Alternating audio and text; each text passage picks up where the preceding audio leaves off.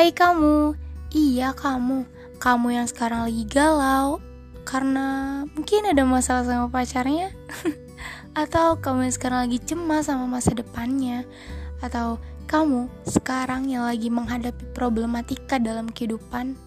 So, sekarang di ruang kisah kita siap menerima semua cerita kalian, semua kisah kalian dan sambil ngobrol-ngobrol cantik pastinya.